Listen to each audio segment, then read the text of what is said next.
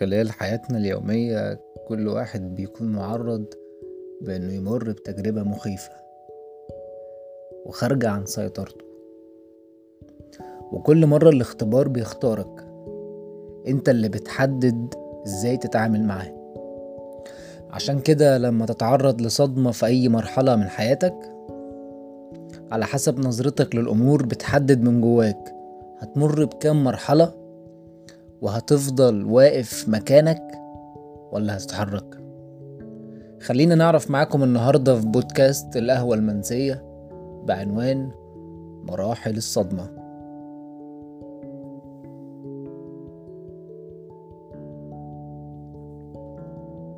أي حد مر بصدمة هيمر بخمس مراحل. أول حاجة الإنكار. رد فعلك بيكون أنا كويس أنا بخير بيكون رد الفعل عبارة عن دفاع مؤقت الواحد بيعمله عشان يرفض اللي حصل له ويتعامل أكنه عادي ما حصلش حاجة.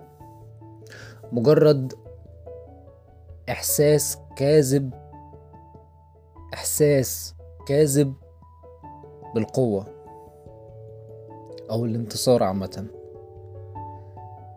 وإن الشخص اللي مشي أو الصدمة اللي أنا مريت بيها مش مؤثرة فيا. تاني مرحلة بتكون الغضب.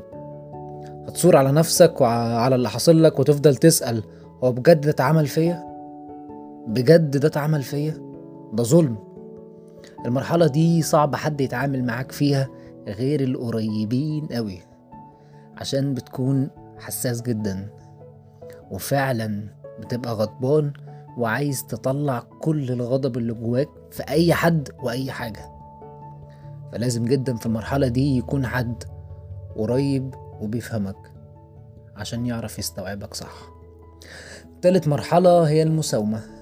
في أشخاص هتتعامل في المرحلة دي إنه مش مصدق فبيعمل أي حاجة عشان يعالج الصدمة. أي مساومة عشان يتجاوز شدة الألم اللي بينكز في صدره وفي قلبه. الضغط أكن فيه حد واقف وماسك قلبنا وعمال يعصره. ومش عارف يتخلص من ده. والوقت اللي بنحس بيه في ده بعيدا عن طول اليوم بيبقى بالليل. وقت النوم. الوقت اللي بتتجمع فيه كل الآلام اللي بتأثر فينا. رابع حاجة ألا وهي الاكتئاب. السؤال المرعب اللي بيكون شبح في الفترة دي هو أنا عايش؟ أنا موجود وسط البشر ولا خيال مآتة؟ الأشخاص اللي تعرضوا له بيحسوا أو اللي تعرضوا للاكتئاب الناس دي هم اللي في حياتهم مروا بالفقد. الفقد هنا ليه كذا تعريف وكذا معنى. سواء لأشخاص لمنصب معين وظيفة حد قريب علينا حاجات كتير.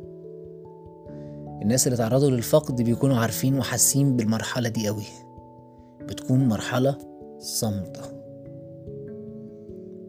المرحلة الخامسة هي التقبل. إن مفيش فايدة من المقاومة.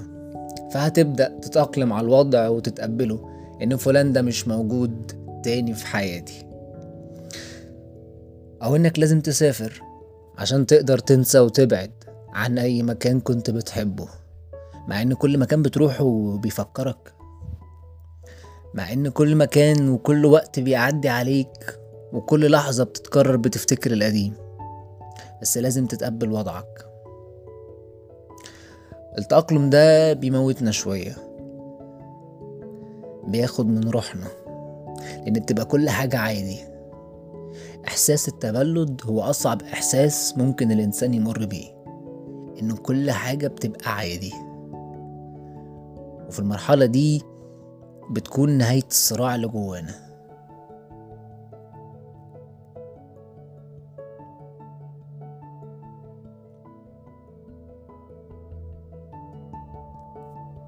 أما عن الأعراض اللي هيعاني منها الشخص المصدوم ثلاث حاجات. أول حاجة كوابيس.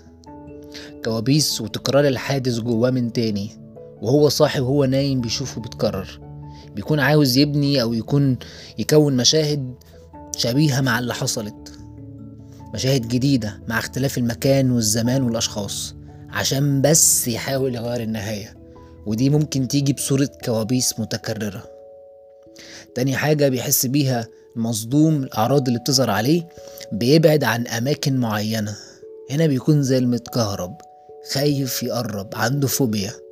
بيقرب من المكان أو أي هواية أو إنه يسمع موسيقى هتفكره بحاجة حصلت قبل كده. ودي حاجة صعب جدا إنه يهرب منها.